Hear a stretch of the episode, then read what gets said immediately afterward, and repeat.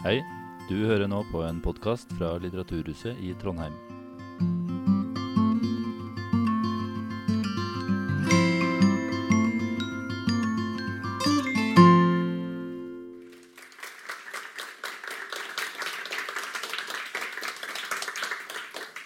Ja, hjertelig velkommen alle sammen. Eh, velkommen hit til boklansering. Og eh, aller først, gratulerer til deg, Pernille, for debutromanen 'På visse betingelser'. Takk. Ta en applaus til.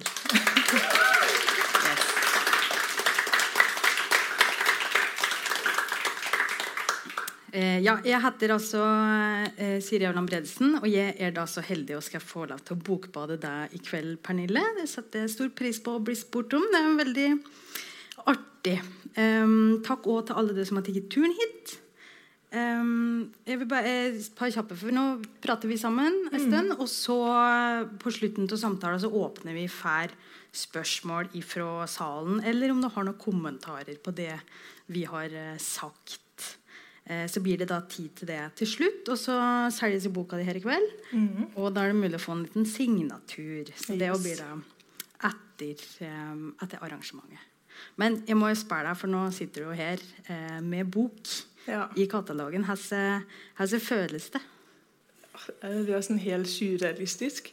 Eh, Det har vært en sånn helt vanvittig uke eh, med ja, bokslipp, eh, mm, studiestart, vi har åpnet på Litteraturhuset igjen, bla, bla.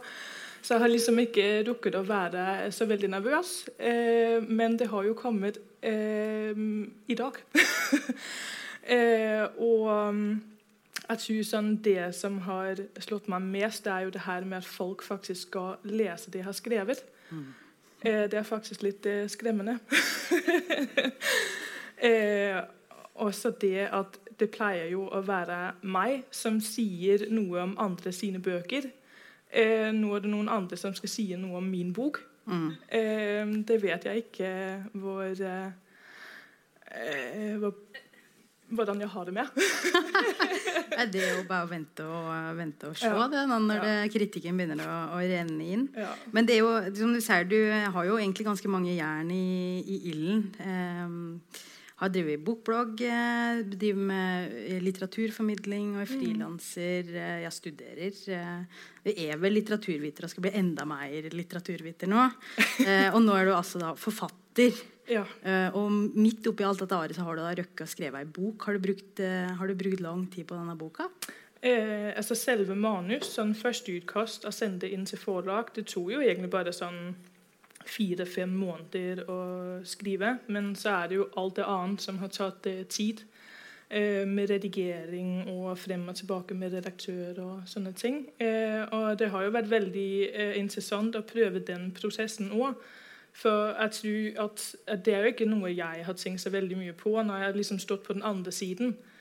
Eh, men, men det jeg liksom har fått innblikket i hva det egentlig krever å få til en roman, det tror jeg faktisk er veldig nyttig i mitt eh, arbeid eh, fremover. Mm. Du må gå tilbake du, og redigere sånne slemme Ja. Kanskje det. Sende sånn uh, unnskyldning til alle. Ja. Nei. Det var ikke meninga å slakte. Jeg skjønner at du har brukt kjempelang tid på det. Ja. uh, ja.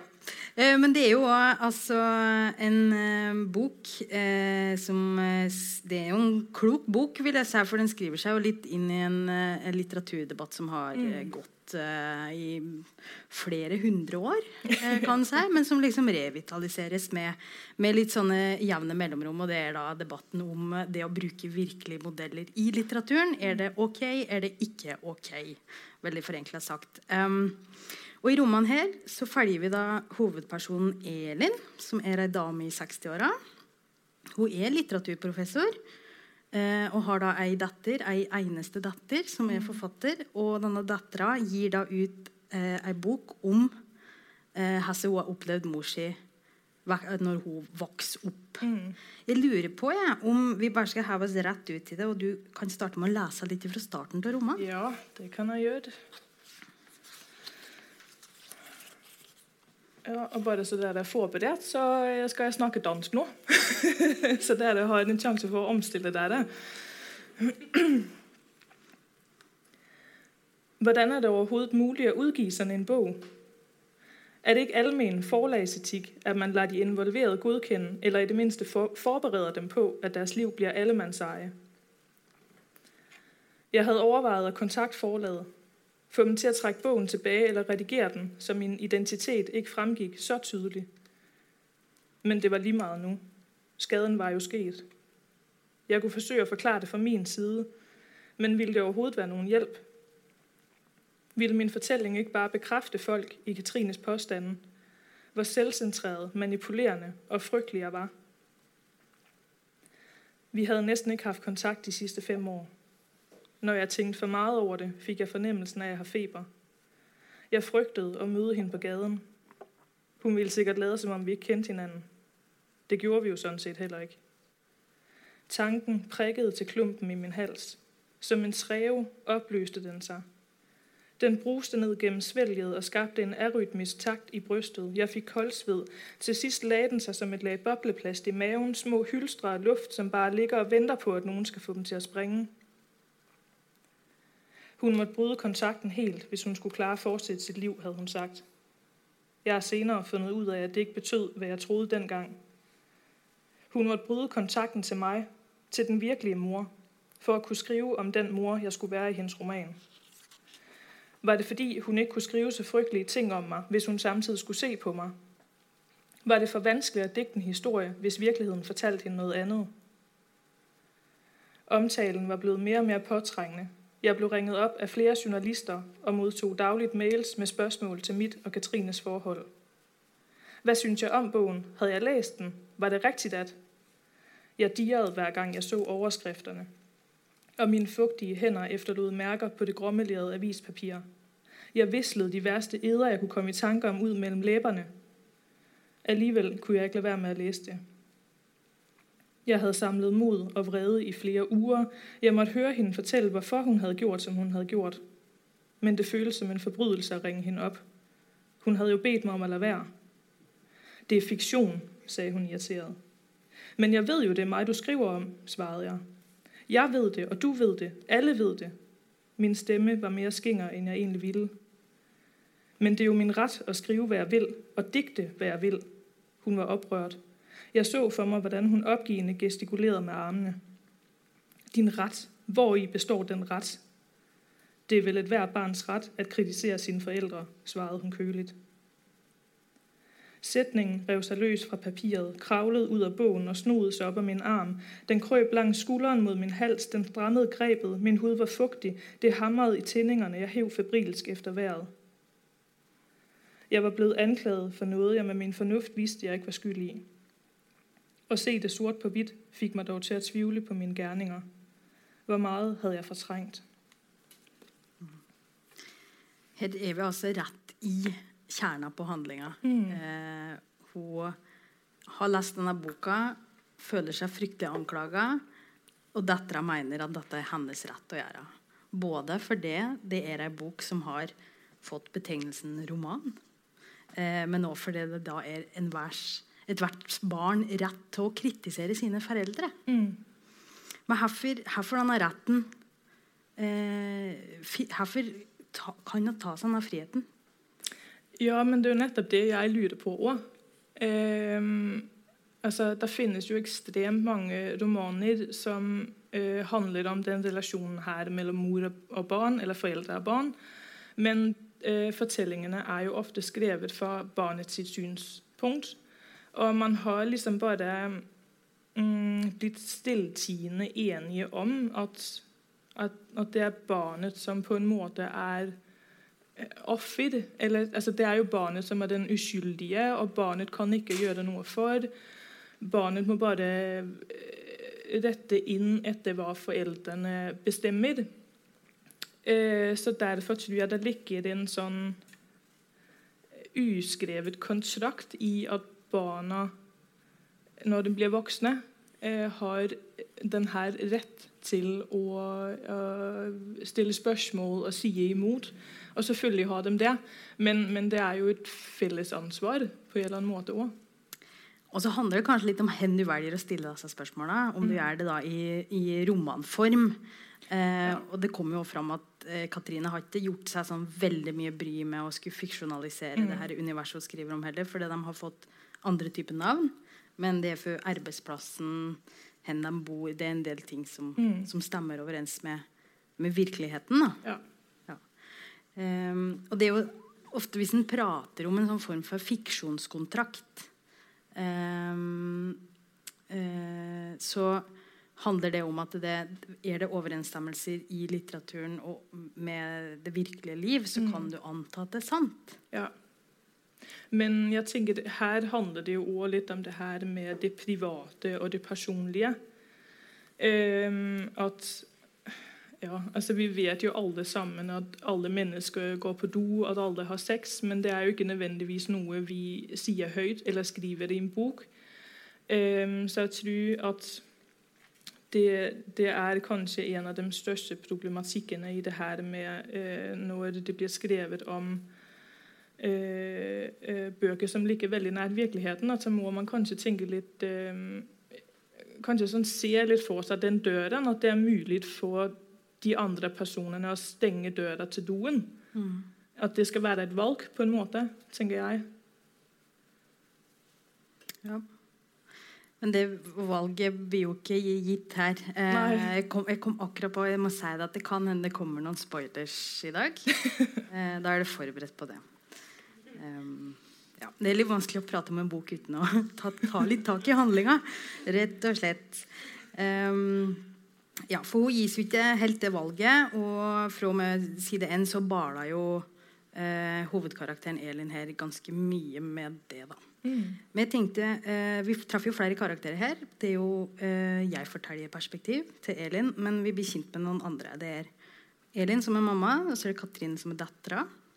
Og så fins jo en pappa oppi det hele her òg. Mannen til eh, Elin som heter Christian. Hva slags type er han? Um, jeg hadde kanskje sånn sett for meg at han Eller i begynnelsen så var han litt en sånn Jeg vet ikke om det heter det på norsk, men på dansk så sier man tøffelhelt. Er det et norsk ord? Ja, ok. um, at han, det var liksom sånn han kom fram til å begynne med. Eh, men så, eh, etter et par gjennomlesninger, da fikk noen andre til å se på teksten og sånn, så, så fant jeg ut at det ikke funket helt hvis han bare var en sånn nikkedukke og eh, ja, At han måtte ha litt karakter. Men jeg tror egentlig at han er veldig konfliktsky. Sånn i bunn og grunn. Og er kanskje også litt sånn skremt av det som foregår mellom Katrine og Elin. Eh, at han vil jo selvfølgelig gjerne at altså Som alle andre foreldre vil jo gjerne at man har det bra i familien. Eh, men, eh, men han, kom, han kommer litt mer Han blir litt mer tydelig etter hvert som romanen eh, sklir eh, fram. Ja.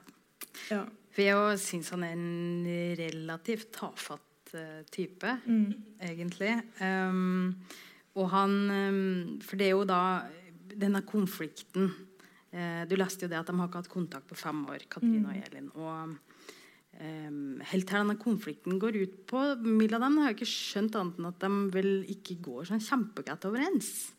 Um, og det har vel da ført til at Katrine ikke føler seg elsket av mor si, selv om mor hennes mener at hun gjør det.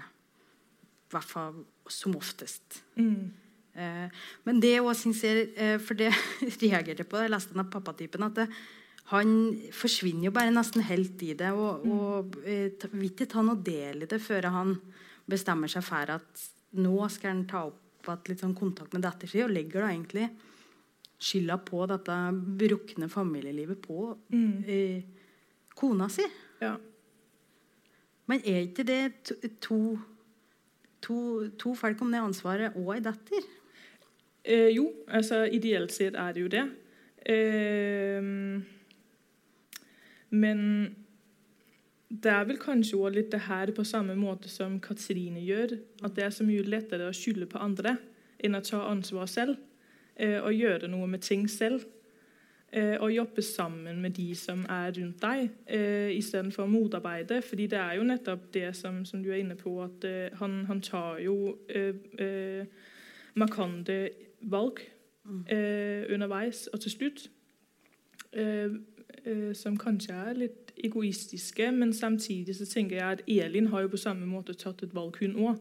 Hun har jo tatt et valg om å gå i konflikt med Katrine. Hun har tatt et valg om å skrive eh, en bok hvor hun forklarer sin side. Det kunne hun jo bare ha latt være med. altså bare ikke sagt noe. Ja, Det er helt sant. Eh, det at hun svarer med å skrive bok, det skal vi komme inn på litt senere. Men eh, jeg tenkte først jeg skulle høre, for det jeg tenker Det er et spesielt bånd mellom mor og datter. Mm. Og det som også skjer her, er jo at datteren hennes er forfatter og har studert litt litteratur. Eh, og så er jo mammaen da litteraturprofessor. Mm. Egentlig forstår henne som en litt sånn krass type, ikke vært så interessert i det familielivet. Mm. Men de to eh, tinga eh, binder dem egentlig eh, litt sammen. Eh, var det viktig å gjøre denne mammaen til en litteraturprofessor? Um jeg tror kanskje bare det blir sånn. eh, fordi det var noen ting eh, sånn eh, Altså, det, det, er jo en, en uh, litterær debatt.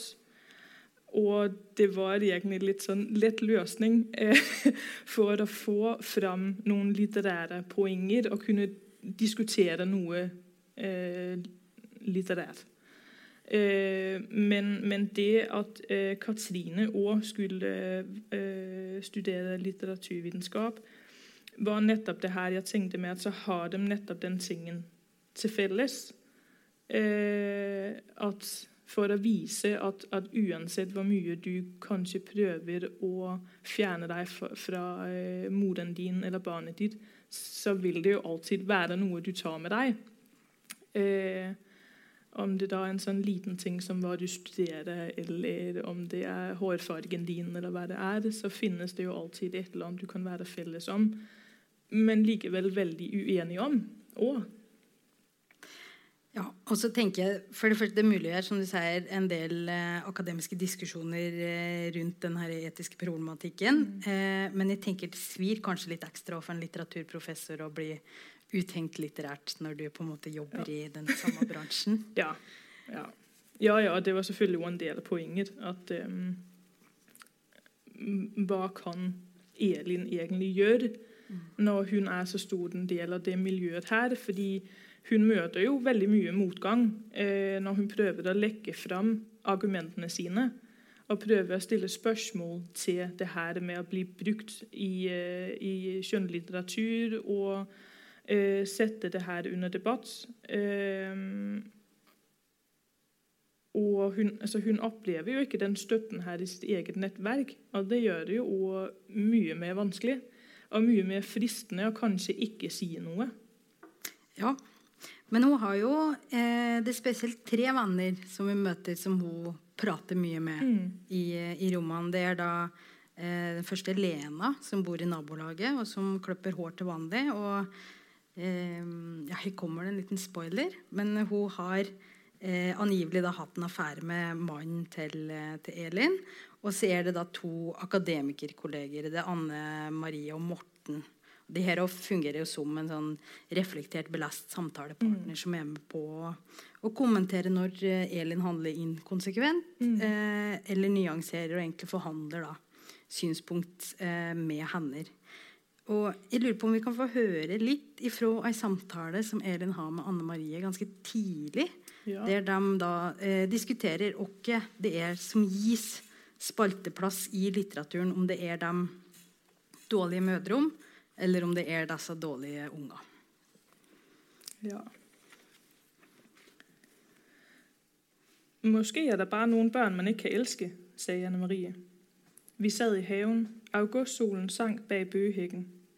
Det var egentlig sjelden jeg drak vin, men på det sidste var det blevet overraskende hverdagslig. Jeg visste godt, at det var både klisjéfylt og patetisk. Der finnes så mange bøger om midaldrende kvinder, der tænker litt mer enn gennemsnittet, og som tyrer til rosen for at dæmpe følelsen af ensomhed, og det ikke længere være noget for nogen. Jeg huskede et foredrag, jeg havde været til for nylig. Litteraturkritikeren, en ældre dansk professor, havde spurgt den kvindelige norske forfatter, om alle norske kvinder drak. Det virker sådan, når man læser om jer, bemærkede han. Mange lo. Knavsgaard ville aldrig have fået det spørgsmål, tænkte jeg. Men så er man vel bare en dårlig mor, hvis man ikke helst sit barn. Det er ikke det, jeg mener. Anne-Marie lænede sig frem i den blå havestol. Måske er der nogle børn, som simpelthen er uelskelige. Det var dog grusomt. Hvorfor det? Hun tog en tår af vinen. Fordi. Sådan noget kan man da ikke tænke om sit eget barn. Sådan noget kan man ikke sige. Hvad er du så bange for da? At være en dårlig mor. Ordene fløj ud af min mund, og jeg fortrød det med samme øjeblik, de slap mine læber. Jeg ville ikke have, at det var det, der skulle styre mig. Jeg så meg selv som mer selvbevidst enn det. Men det var en frykt, som hadde siddet i meg siden den dag, jeg fikk at vide, at min svimmelhedsanfald og den konstante spænding i brysterne skyldes graviditet. Selvom Katrine nu var 33 og hadde avskrevet meg som mor, bestod frygten. Og svaret derpå stod sort på hvidt. Det er det dummeste, du noensinne har sagt. Jeg vet det godt. Jeg tror heller ikke, det var det, jeg mente. Det var det, du mente. Du er bange for å være en dårlig mor. Det er vi alle sammen. Men det er en dum ting å være bange for. Det er en frygt, skabt av sniksnak og plader. Hvem fanden har noensinne tillatt seg å bruke det begrep? Finnes det overhovedet gode mødre? Hun sad foroverbådet i stolen med anspændt overkrop. Ikke ifølge litteraturen i hvert fald, svarede jeg. Det fine ved mit og Anne-Maries venskab var, at vi kunne skiftes til at være hissige. Når stemmen hendes... Når, der kom det litt norsk. Når hendes stemme steg, falt min automatisk som et beskyttende underlag, hun trygt kunne falle ned på. Når jeg ble hyllet ud av den, pillet hun min vrede fra hinanden ved å stille rationelle spørsmål. Litteraturen er full av dårlige mødre, sa hun. Eller måske nærmere flabede børn. Uelskelige børn. Dramatiske og uelskelige børn. Hun satte sitt glas ned på bordet, som var det en konklusion. Måske er det det, jeg skal skrive om, sa jeg. Om flabede børn. Jeg kunne ikke lade være med at le. Nej, om mødre, som bliver gjort til bødler af sine egne børn. Lad den dårlige mor fortælle sin version. Om sit uelskelige barn, tilføjede Anne-Marie. Ja, eller i hvert fald på en eller anden måde forsøge at belyse den mulighed.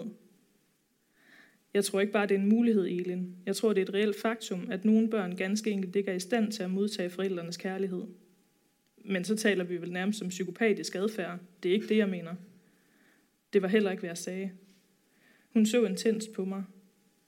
Måske er der som sådan ikke andet i vejen med det barn, end at det har besluttet sig for ikke at ville elske sig sine forældre.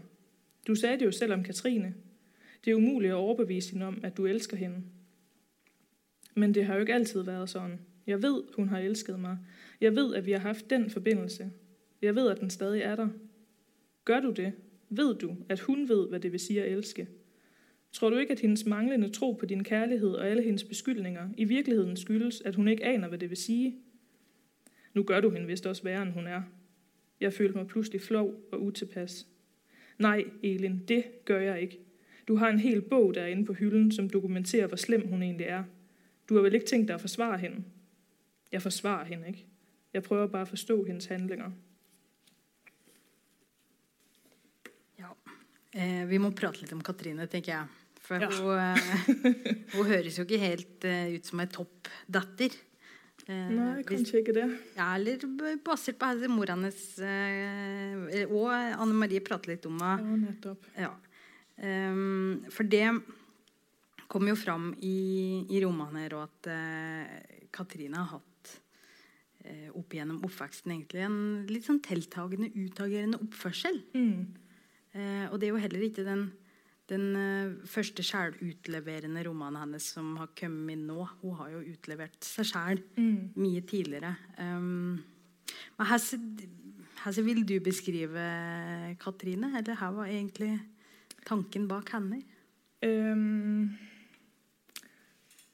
altså Det første som sånn slo meg, det var litt det her jeg så for meg. Hun var en litt sånn um, ja, nå er det litt sånn, Ikke å generalisere, men litt sånn typisk enebarn. Eh, en som kanskje har eh, fått veldig mye oppmerksomhet, og så plutselig finner ut at det finnes andre mennesker i verden enn henne. Mm. At hun ikke er det viktigste menneske. Eh, og at hun har veldig stor trang til å eksponere seg selv. Eh, og bli sett og hørt. Og det kan det jo være ulike årsaker til. Eh, men, men, at hun, hun, var liksom en person, fant jeg fort ut av, som tok veldig mye plass. Eh, og veldig motsatt Elin. At, at, at, at, jeg så at det var liksom der konflikten kom. At de er så ulike. Elin er veldig sånn eh, tilbakeholdende, litt sånn introvert og har det egentlig best i sitt eget selskap. Er veldig selvstendig og trenger ikke andre mennesker på samme måte som Katrine. Hvor Katrine vokser sammen med andre mennesker og av andre mennesker sine eh, anerkjennelser og sånn så er Elin helt motsatt. Um, ja. Mm. Og det kom jo òg ganske tydelig fram, tenker jeg. For det, romanen er jo skrevet sånn at det, den har et nåtidsplan, og så hopper den en del tilbake til eh, med sånne fortidige tilbakeblikk da, som mm. skriver fram det her egentlig ganske komplekse og sammensatte forholdet der det blir tydelig at uh, selv om uh, Elin syns hun bekrefter datter si, så skulle datter Gine hatt enda mer bekreftelse. Mm. Men hun får jo i voksen alder komme og gå som hun vil, egentlig. Ja. Um, men uh, det er jo òg et uh, Vi hopper jo tilbake til um, uh, før Elin har stifta en familie òg. Og mm. hun har egentlig noensinne vært klar for det. Å ta på seg det morsansvaret. Mm. Ja, um, det, er, det, er, litt det hun diskuterer med seg selv. Uh, om hun egentlig eh, vil ha barn, om hun egentlig er klar til å få barn, om hun egner seg til å være mor. Nettopp fordi hun har en så sterk trang til å være alene og gjøre ting selv og gjøre seg uavhengig av andre mennesker, så lurer hun jo veldig på om, om hun har det det krever å knytte seg til et barn og stifte familie. Og hun har jo òg veldig mange overveielser i forhold til Christian. Eh, om, eh, om hun skal bli med han, eller om hun kan leve et liv med han. Eh, men at hun blir litt fanget i de forventningene som hun tror, eller som hun merker stilles til henne, bl.a. gjennom sin egen mor. Um, og, men jeg, jeg, tror egentlig at hun liksom Det er jo ikke fordi hun blir tvunget inn i noen rolle. Altså hun, tar, hun tar jo noen valg og finner ut at det er faktisk helt greit, det òg. Mm. Eh, det som hun, eh, hun, hun får til eh, i livet sitt. Mm. Det er bare ikke godt nok for at det er enebarnet hun, hun valgte å få. alltid. Mm. Eh, men Elin er jo en type som ikke slipper folk så veldig tett innpå mm. seg. Og var jo ganske bekymret for at det å, skulle få barn kanskje ble et litt fær intimt mm. eh, prosjekt. Men jeg opplever det òg som at for hun er veldig bekymra for her som kommer til å skje med henne. Eh, så jeg opplever at hun har en ganske rigid, fastlåst forståelse av her eh, her morsrolla er, og egentlig mm. samfunnet kommer til å forvente av en mor. Og da er det ja, han kan og ikke kan gjøre som en mor, at det tilsynelatende har helt andre regler. For det, da er det Du skriver det, nå skal jeg sitere deg. At mora er da en teoretisk idé om en altomfavnende omsorgsperson mm. som elsker, i, elsker i det uendelige eller så er da mora sagnet om en heltinne eller uhyre, alt ettersom. Hesse øver som ser, og hesse munn som forteller. Mm. Ja, altså jeg tror hun er veldig preget av og fastlåst i eh, den generasjonen hun kommer fra. Og den litteraturen hun har eh, lest. Eh, for hun er jo veldig opptatt av eh, en sånn forfatter som Tove Ditlevsen som øh, hun òg øh, nevner på et tidspunkt. Og det, ja, det blir en sånn diskusjon rundt det. og altså, hun har liksom ikke utviklet seg utover det bildet av hva en mor er. Mm. Og det bildet er jo veldig motstridende til hvordan hun er som person. Og så, så, så er det jo eh, veldig vanskelig å få noe til. Eh, hvis det bare ikke er sånn du er, men det er sånn du tror du må være. Fordi det er det du leser, det er det du hører, det er den, det du har merket i din egen oppvekst osv. osv. Eh, og det var, også, altså det var, noe jeg tenkte litt på og det jeg skrev. for jeg tenkte sånn, Hvis hun er litteraturprofessor og er såpass oppegående mennesker, ville hun da altså, Er det troverdig at hun ikke ville ha et annet blikk på eh, morsrollen eller seg selv? Eh, men eh, jeg fant fram til at eh, ja, det er veldig troverdig. fordi det er, jo, det er, jo, det samme som både Katrine og Kristian og alle de andre gjør, at de har, som vi alle gjør. At vi har en bestemt oppfatning av hvordan vi er som mennesker. Og så Særlig når du kommer i konflikt med andre, så er det veldig lett å bare være, altså, låse seg helt fast i den oppfatningen. Mm. Um, Kanskje som en måte å beskytte seg selv på, jeg vet ikke. Men eh, ja. Men Katrine har jo noen åpenbare forventninger til her og mener mor hennes skulle gjort hun òg, som mm. er litt i den tradisjonelle morsrolla som mm. passer den, den, litt trange boksen. Ja. Eh, så det er jo nedervet til den yngre generasjonen. Ja. Eh, men du nevnte jo at det, Elin nå har en mamma, for det skrives jo inn da tre generasjoner mm. kvinner i romanen her. Da er det ja. Katrine og Elin og mammaen til Elin. Og Elin har jo et eh, noe uferløst forhold til sin egen mamma, mm. som eh, Og det her forholdet eh, til mammaen sin har nok også prega det forholdet hun har til, til Katrine. Mm. For det sitter jo litt i, i ryggmargsrefleksen at eh, sånn er en mor. Eh, men denne mor til Elin deier jo. Mm. Dør eh, i løpet av til romanen. Så lurer på, Kan vi få høre litt ifra da Katrine og Elin prater om da? Ja, men jeg tenkte jeg skulle bare knytte inn kommentarer ja. først det eh, du nettopp sa, det her med, med tradisjonelle kvinneroller, og det går i arv og sånt. Eh, fordi jeg har tenkt veldig mye på, på nettopp det her med at eh, det finnes så mange bøker om relasjonen mellom mor og barn. Eh, og eh, mm, det her med at man sier at det er så viktig å få fram de her fortellingene, og at uh, man leser uh, fortellinger om et barn som har hatt en forferdelig mor, uh, og så kjenner man seg igjen og syns det er forløsende å lese, osv. osv.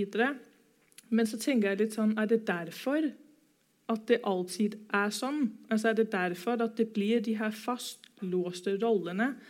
Fordi vi aldri prøver å se det fra andre synsvinkler. Altså aldri prøver å fortelle andre historier enn den om barnet som forteller om sin dårlige mor. Altså Det blir en sånn vond sirkel mm.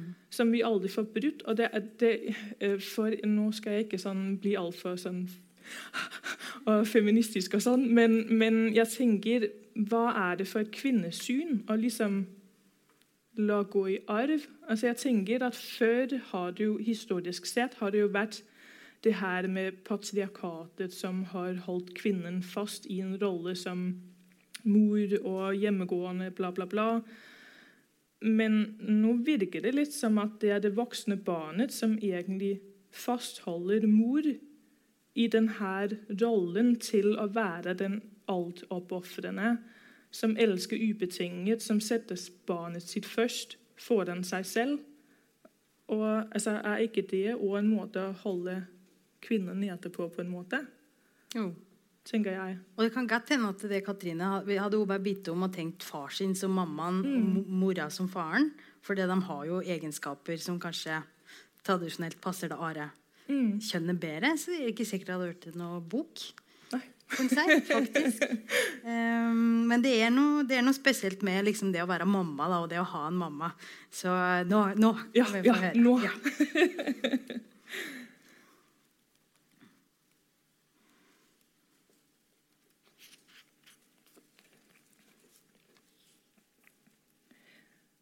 Hvordan har du det egentlig med at mormor er død? hadde Katrine spurt. Vi sad innenfor en brændeovn med hver sin kopp te. Hun hadde nettopp afleveret speciale om Anais Nin, og nå var hun hjemme på weekend. Jeg havde fået lov at læse det igennem. Hun ville gerne høre min mening, havde hun sagt. Jeg var blevet overrasket over hendes tilbud, men også over, hvor reflekteret og nuanceret hun var i sin opgave. Det gjorde mig stolt. Men jeg vidste ikke, om det var noget, jeg kunne tillade mig.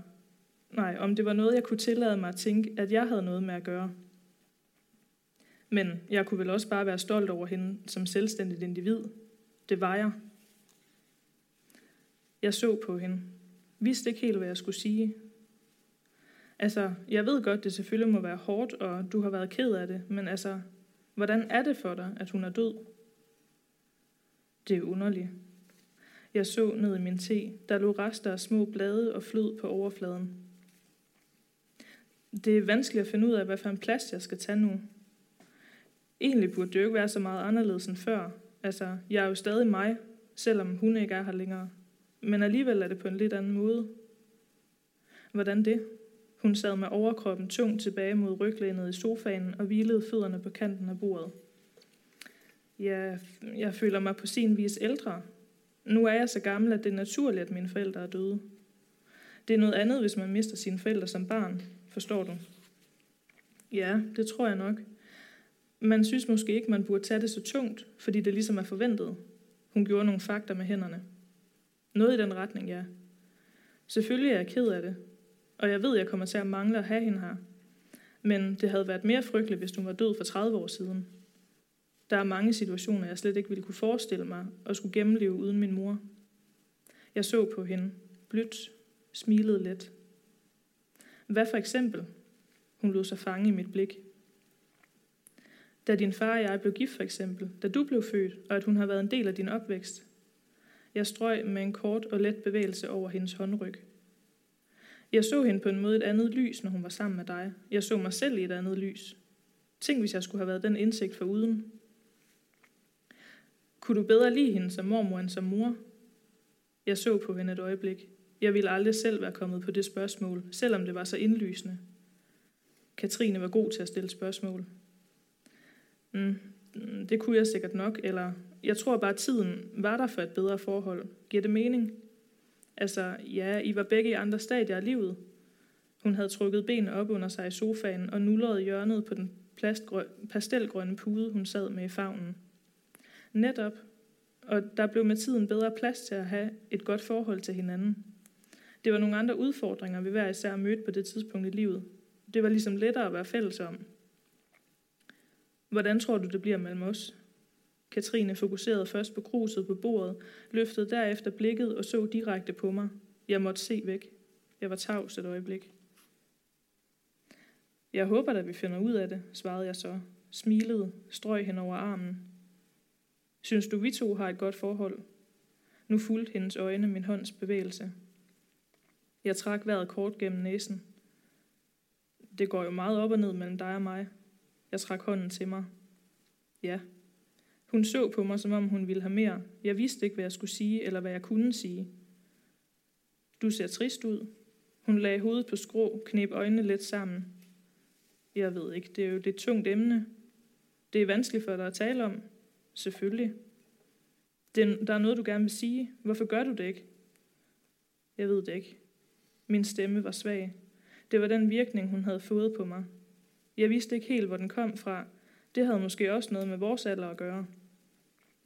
Hun gav meg et klem. Det var uventet. Jeg stivnede.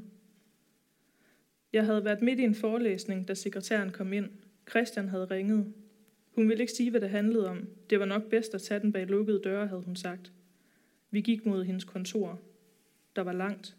Hva var det, hun fryktet? At jeg ville bryde sammen midt på gangen? Jeg brøt ikke sammen.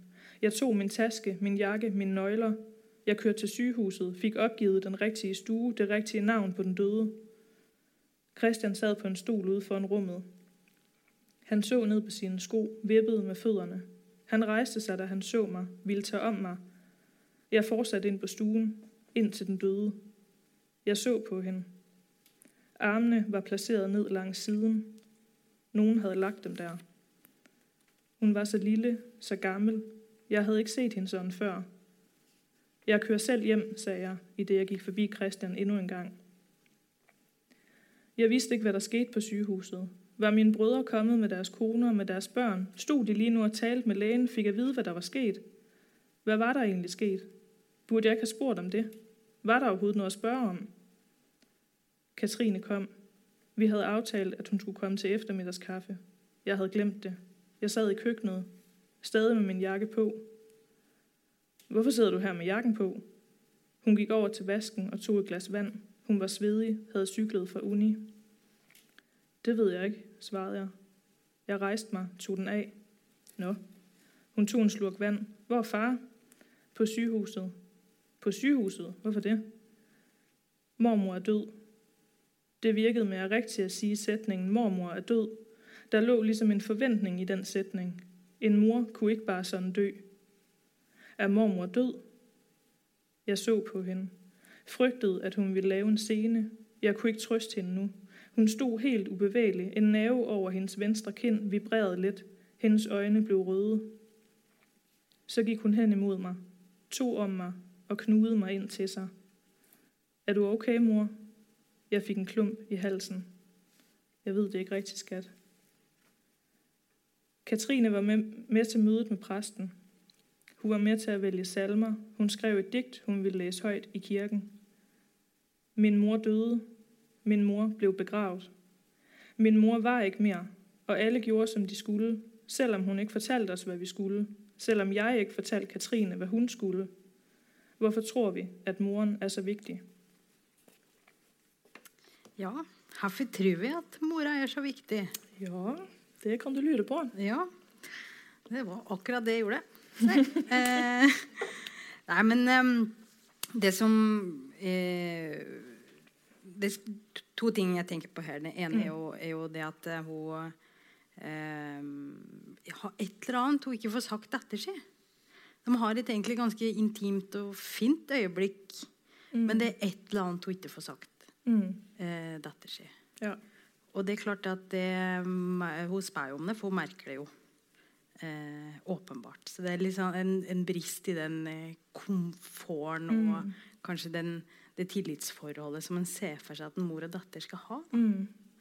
Eh, og det er jo små ting som det der tenker jeg fører til da kanskje at hun føler eh, at hun har et så anstrengt forhold til mor si. Men det viser jo òg at det er fryktelig liten plass eh, i den morsrolla eh, til å drite seg ut. Mm. Ja, nettopp. For. Ja, for det er jo det Elin frykter eh, hele tiden rundt Katrine. Eh, i, altså hele oppveksten. Det er å drite seg ut. Eh, hun er veldig eh, Hun frykter Katrine sin reaksjon. Eh, som barn, altså Når Kat- Katrine er barn, så frykter Elin hvordan Katrine skal reagere. Og hun har liksom hele tiden en eh, fornemmelse av at Katrine vil henne vondt. Eh, og det går jo da igjen når Katrine blir voksen og begynner å skrive romaner. Da, da har Elin jo faktisk noe å frykte.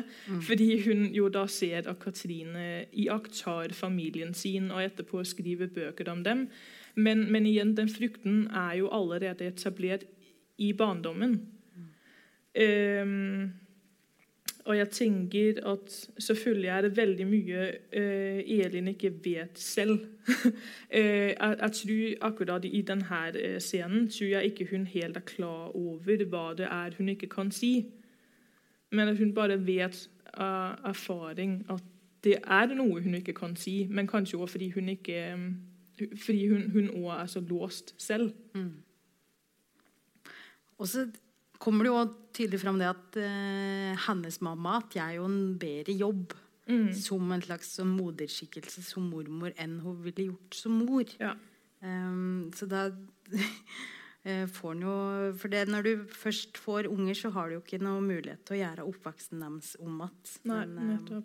Men, det er nettopp det jeg tror det handler veldig om, altså, om, om utvikling. Altså, jeg har jo ikke barn selv, så jeg kan jo si hva jeg vil. Ja. men, men, eh, men jeg tror det handler om, om utvikling og om uh, underveis å gjøre seg noen andre tanker og så gi, gi plass til den utviklingen. Og tør altså Nettopp det at mormoren er en mye bedre mormor enn en mor.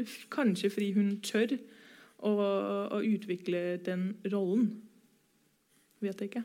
Mm. Men det kan jo òg være et spørsmål om eh, den derre følelsen til å kunne gi til en ubetinga kjærlighet. Da. For det Elins kjærlighet virker til å være litt betinget. Mm. Eh, men òg delvis betinget fordi Katrine ikke er eh, At hun kan være et litt eh, De trodde vel Det står da at de trodde at det kanskje var noe galt med henne. Ja. Eh, og da har du på en måte fått, eh, fått en betingelse. Eh, Ja. Så der får en si at hun elsker jo datteren sin på visse betingelser. Um, men jeg tenker òg For det er et viktig spørsmål i boka her. Hvem sin feil er det Mm. egentlig når en mamma ikke klarer å elske ungen sin? Mm. Ja. Eh, ja. Jeg har ikke noe svar, men, men jeg tenker at det handler om et felles ansvar. Mm. Å få sånne ting, altså få en sånn relasjon til å funke. Altså for å få alle relasjoner til å funke, så må hver eneste altså, Begge parter må jo ta ansvar for å få det til å fungere. Ja, for Det er nesten et like viktig spørsmål. det her med Hvis mora forteller ungen at du elsker ungen, men ungen ikke føler seg elsket, Ja, ja nettopp. og ikke har da den definisjonsretten på Ja. seg at nei, vet du, du er elsket, eller nei, jeg Ja. er ikke. Men det er litt det jeg mener med det jeg sa før. Det her med Vi leser så veldig mange romaner og ser så mange film om relasjonen mellom mor og barn, og så får vi jo automatisk et syn på hvordan det ideelt sett bør være, eller hvordan det kan være. Og så ja, altså jeg tror man har en sånn tendens til å sammenligne seg selv eh, med, med de tingene. Og hvis ikke du da eh, opplever at du får det samme fra foreldrene dine, da er det jo veldig lett å tenke at du mangler noe. Det, det er sant. Eh, jeg tenker Nå skal vi beveges litt inn på det her mer med det litterære prosjektet som Katrine jo har, da. Der hun velger å, å skrive om, om sin egen barndom, og, og etter hvert når Elin sjøl begynner et, eh, et romanprosjekt. For hun reflekterer over det her med um, Ja, hva gjør vi med alle de historier om dårlige foreldre? Om barn, for de fins jo flust, som du sier. Eh, ja, hva gjør vi med alle de historier om dårlige foreldre, om barn som blir utsatt for overgrep, omsorgssvikt, og barn som ikke føler seg elska? Hva skal vi med dem? Fortelles de fordi vi syns at folk skal lære noe? Fordi vi føler vi har en plikt til å fortelle dem?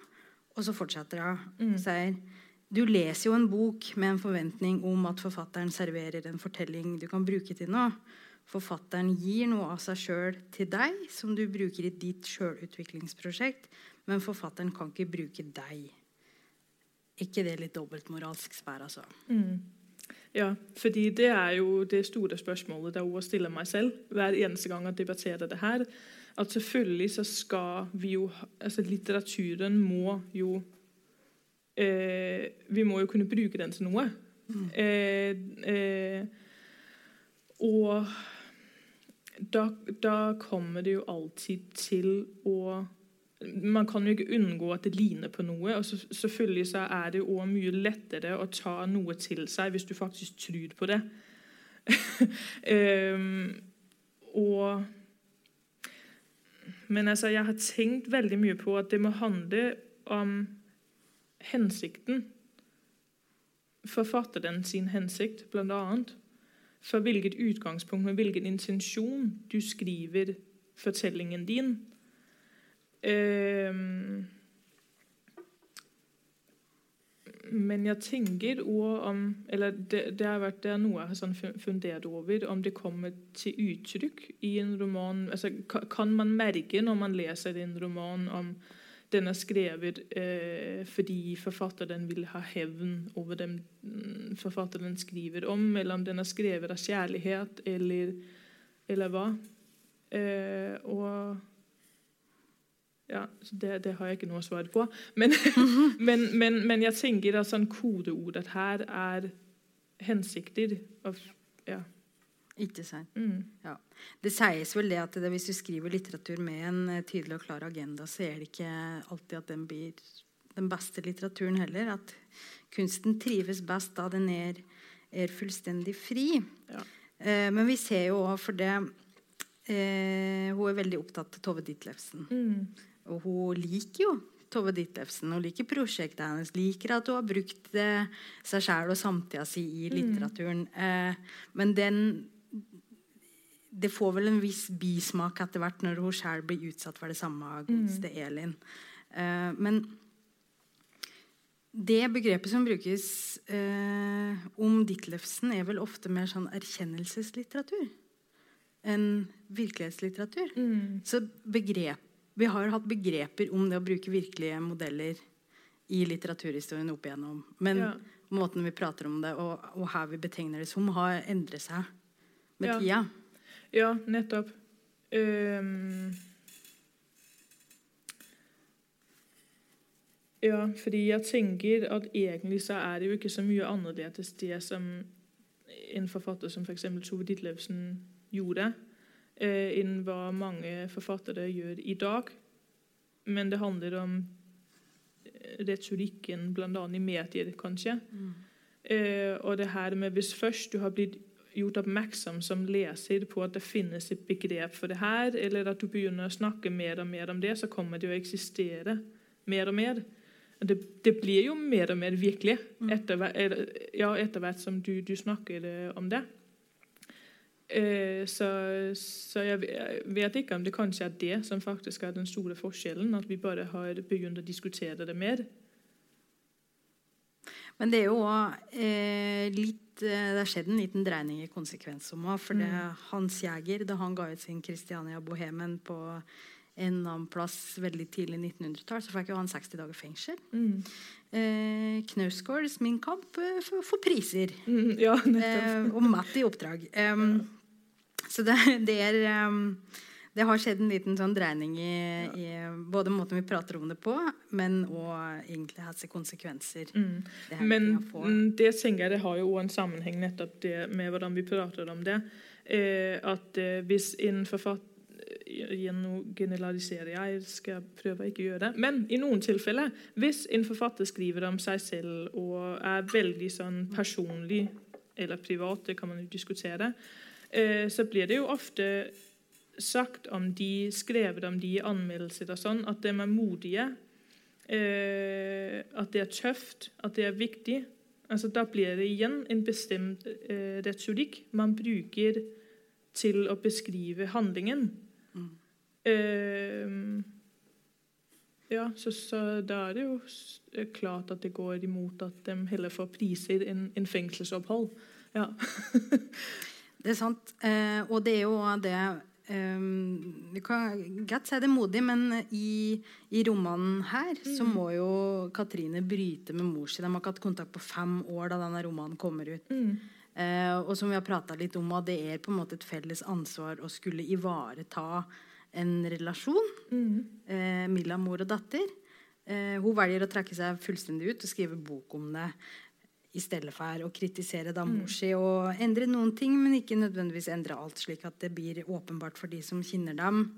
Eh, og media begynner å skrive om at her er det her er det mm, noe, noe virkelige greier. Og jeg tenker at det blir jo en måte å unngå konfrontasjon på. Ja, øh, altså det har jeg også tenkt litt på selv, det her med hvordan vi òg utvikler oss, hvordan vi kommuniserer med hverandre. Altså det her at, altså er, det det som kanskje blir normen? At istedenfor å ta en diskusjon med den vi er uenige med, så skriver vi heller en bok eller en Facebook-oppdatering eller eh, et blogginnlegg. Eh, ja. Ja. Og det, det som skjer i praksis da, er jo at det ofte får stått um, umotsagt. da. At det ikke er så vanlig å, å kanskje starte en egen blogg for å skrive mot det blogginnlegget. Og så har du uansett ikke samme plattformen. Så det er ikke så, så altfor enkelt å, å nå fram heller om man har lyst til å ytre seg mot. Så det blir jo um, Hva det var um, ja, Det blir jo en, en rett og slett noen som kommer til orde, og, og kanskje ikke alle, alle de andre som Gine skulle ha sagt noe på det. da. Og så blir det jo gjort et poeng eh, ut til det at vi vi tenderer til å reagere på de, altså de Mm, fortellingene som mm. er dårlige. Ja. Eh, om eh, dette er fortelling om slemme folk, ikke om gode folk. Ja.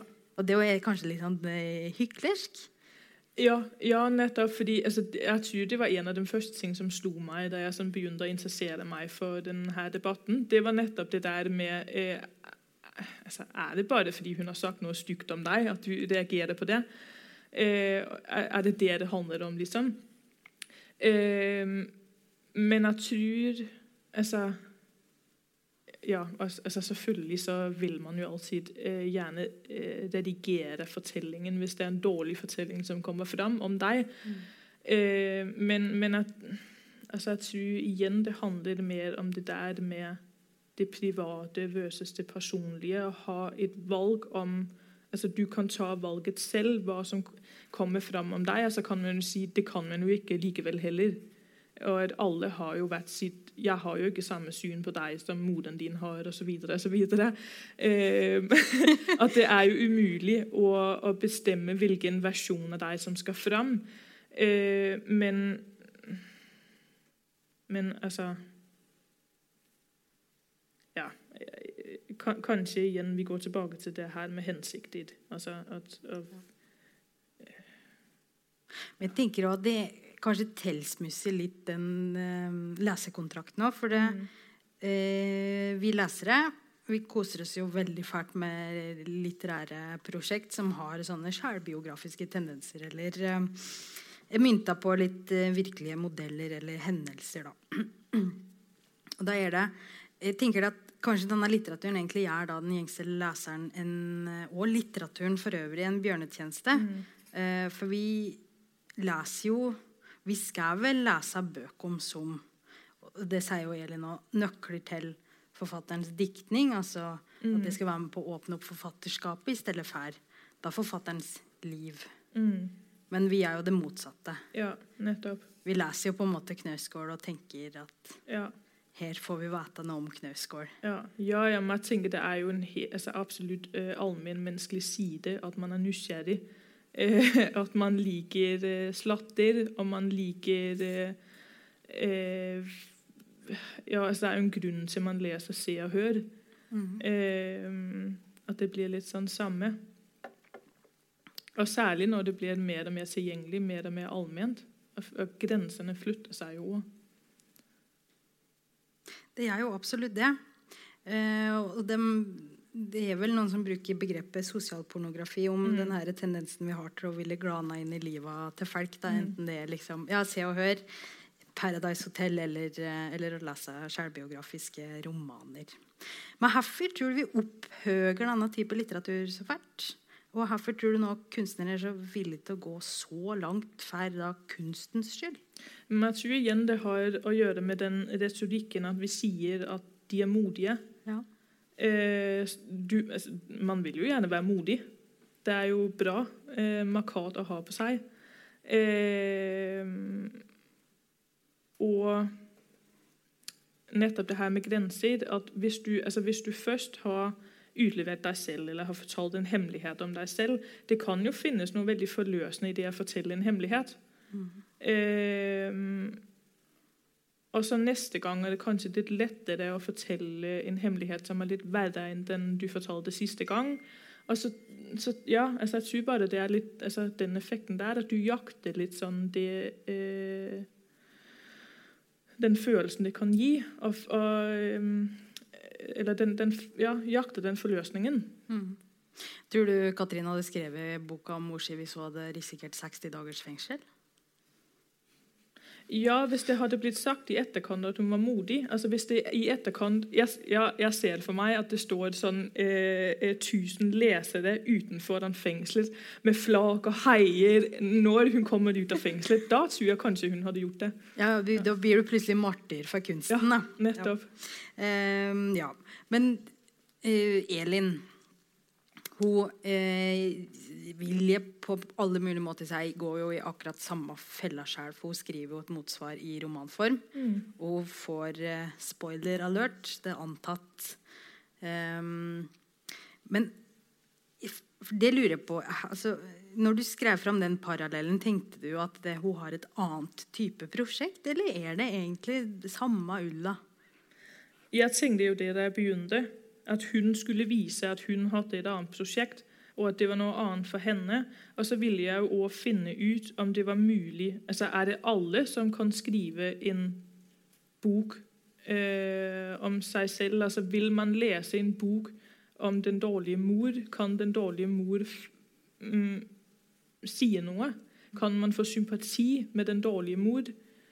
Eh, men, men etter hvert som jeg skrev, og som jeg skrev Elin fram, så så jeg jo nettopp at eh, Ja, at, at, det kanskje ikke lykkes henne slik hun hadde tenkt. Og jeg tror nettopp at det er, det er, det er kjempevanskelig. Det er en kjempevanskelig diskusjon, kjempevanskelig debatt, og det er kjempevanskelig, tenker jeg jo, hvis, hvis, du står i den situasjonen og har blitt utlevert i en roman. altså Hva, hva kan man liksom gjøre? Eh, og det var litt det jeg òg håpet at jeg på en eller annen måte kunne eh, illustrere. Eh, de her motstridende følelser og tanker og Ja. Mm. Men har du blitt noe klokere, da? Har du på en måte, For å hoppe litt ut i romanen, har du, har du noen tanker om hvordan vi kan eh, løse det her etiske problemet? For uh, å lett forfattere få skrive de historiene som jo er med på, setter et speil opp mot oss og virkeligheten og lærer oss om eh, oss sjøl uten at de tråkker denne samme virkeligheten på teen. Altså, jo mer jeg har skrevet, og jo mer jeg har undersøkt, og jo mer jeg har lest, eh, jo mer tvil eh, har det òg oppstått. eh, og eh, jo lengre unna er jeg kommet en løsning. fordi det er kjempekomplekst.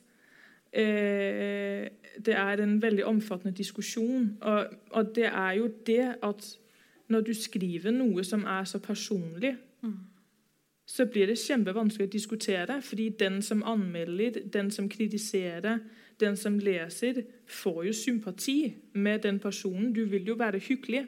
Hvis det kommer noen og forteller deg en sår historie, så vil du jo være hyggelig mot den personen. Eh, så jeg tenker at det er jo absolutt en utfordring å diskutere det i det hele tatt. Eh, uten å tråkke på noen.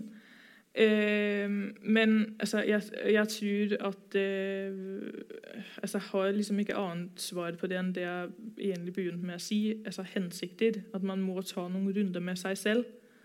Eh, vurdere hvorfor skriver jeg det her. Eh, hvorfor skal det her leses? Og ja, altså, man, da, Det er jo lett å si ja, jeg hadde lyst til å undersøke, eller jeg er objektiv, eller hva man kan finne på å si.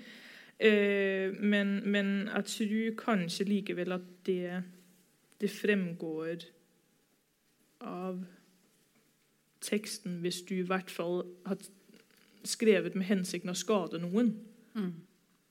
Men her gir de seg 'Veien til helvete brolagt med gode intensjoner'. Er det sånn ordtak? Eh, det tror jeg stemmer eh, ja. i, noen, um, i noen tilfeller, i hvert fall. Da, vi møtte Jonan før sommeren da jeg fikk romanen din. Og da prater vi litt om at, For det er jo skrevet veldig tett opp mot en debatt som du har ferd mye med på, og jobba mm. veldig mye med. Eh, her har det vært å, å skulle omgjøre det til, til skjønnlitteratur, og da ifra perspektivet til en 60 år gammel mamma. Eh, altså det, har, det har vært veldig interessant og veldig gøy. og det blir jo noe annet enn jeg hadde sett for meg. Eh, altså, jeg, har jo holdt på med eh, å, å, skrive og sånn siden jeg var kanskje sånn 15-16 år. og jeg had, altså, så jo for meg da jeg var sånn 10 år gammel at jeg skulle være forfatter. Og så hadde jeg sånn en bestemt eh, eh, oppfatning av hva det ville si å være forfatter, og hva det vil si å skrive. Eh, og før har jeg holdt på med altså skriveprosjekter som var helt annerledes for det den romanen endte ut med å være. Eh, det var absolutt ikke en sånn roman jeg hadde sett for meg jeg skulle debutere med. eh, fordi jeg har jo hatt en tydelig agenda da jeg begynte med den her, og det var jo å diskutere den problemstillingen her rundt virkelighetslitteratur. Um, og jeg merker at den første par måneder var skrivingen min veldig drevet av at jeg hadde lest så mye om den debatten her, og jeg hadde diskutert det så mye. Så det, jeg husker sånn, eh, En av de første kommentarene jeg fikk fra redaktøren min, hun hadde skrevet sånn uh, ute i siden av manus hadde hun skrevet 'Kanskje kutte ut det her, det er ikke et manifest'. Ja. Nei.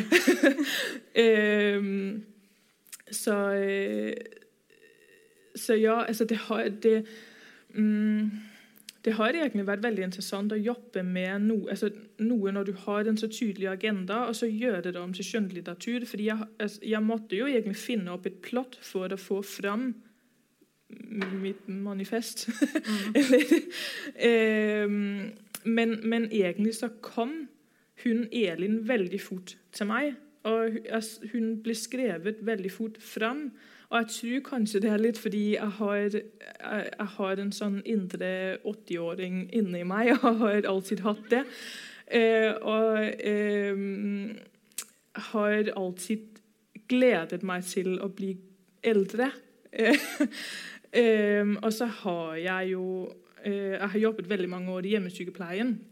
Så jeg har vært uh, omgitt av mange gamle damer. så jeg tror jeg har sånn eh, Ja Bundet mange ting sammen på den måten. men, men altså igjen, Det har vært helt altså, utrolig gøy å, å skrive fram en, en, person som var eldre enn meg selv, og som var altså, ja, hun, selvfølgelig, hun har veldig mye med litteratur å gjøre, sånn, men, men, ellers er det en person som på mange måter er veldig forskjellig fra meg selv, har en helt annen skjebne enn, en, en jeg. og sånn. Um, og det er jo nettopp det som har vært gøy. At jeg har kunnet forme henne og ikke skulle tenke på hva altså, uh, noe rundt virkeligheten, men at jeg fullt ut har kunnet dikte henne opp. Mm. For det, si, det, overrasker meg litt, for hun er jo ja, 60 år gammel. Har jeg dette ved gift gærlinger, må hun ha ganske frisk libido. Det har hun. Det syns jeg var moro. Ja, det jeg vet jeg. Kanskje jeg bare forestiller eller håper at man kan ha det. Eller jeg vet ikke. Ja. Um, vi skal straks åpne for eh, spørsmål og kommentarer fra salen. Men jeg tenkte jeg skulle avslutte med et uh, litt sånn merkelig spørsmål. Um, hva liker du best med din egen roman? Herregud. um, hva liker jeg best? At, mm, altså, jeg liker jo selv best å lese romaner som vil noe som har et prosjekt, og som jeg kan lære noe av. Og det håper jeg at det er det jeg har skrevet. det føler jeg selv at det er det jeg har skrevet. Så det er kanskje det jeg liker best. Ja, ja. ja men det syns jeg, jeg, du absolutt har fått til. Takk. men da tenker jeg at uh, jeg skal si tusen takk for uh, fin samtale og fine betraktninger. Så er det da altså det er boksalg og mulighet for å få en signatur. Um, så får du ha fortsatt uh, gratulerer. Det er jo, jeg, jeg sladrer litt. Den er jo kraftig jubileumshelg for deg egentlig helga. For du fyller jo faktisk Du blir eldre i morgen, du. Ja, jeg blir ja. halvparten av 60. Ja. ja. Begynner å bli ordentlig voksen ja, kvinne i 30-åra fra og med i morgen. Så gratulerer med bok, og gratulerer med morgendagen. Takk. takk for at du kom.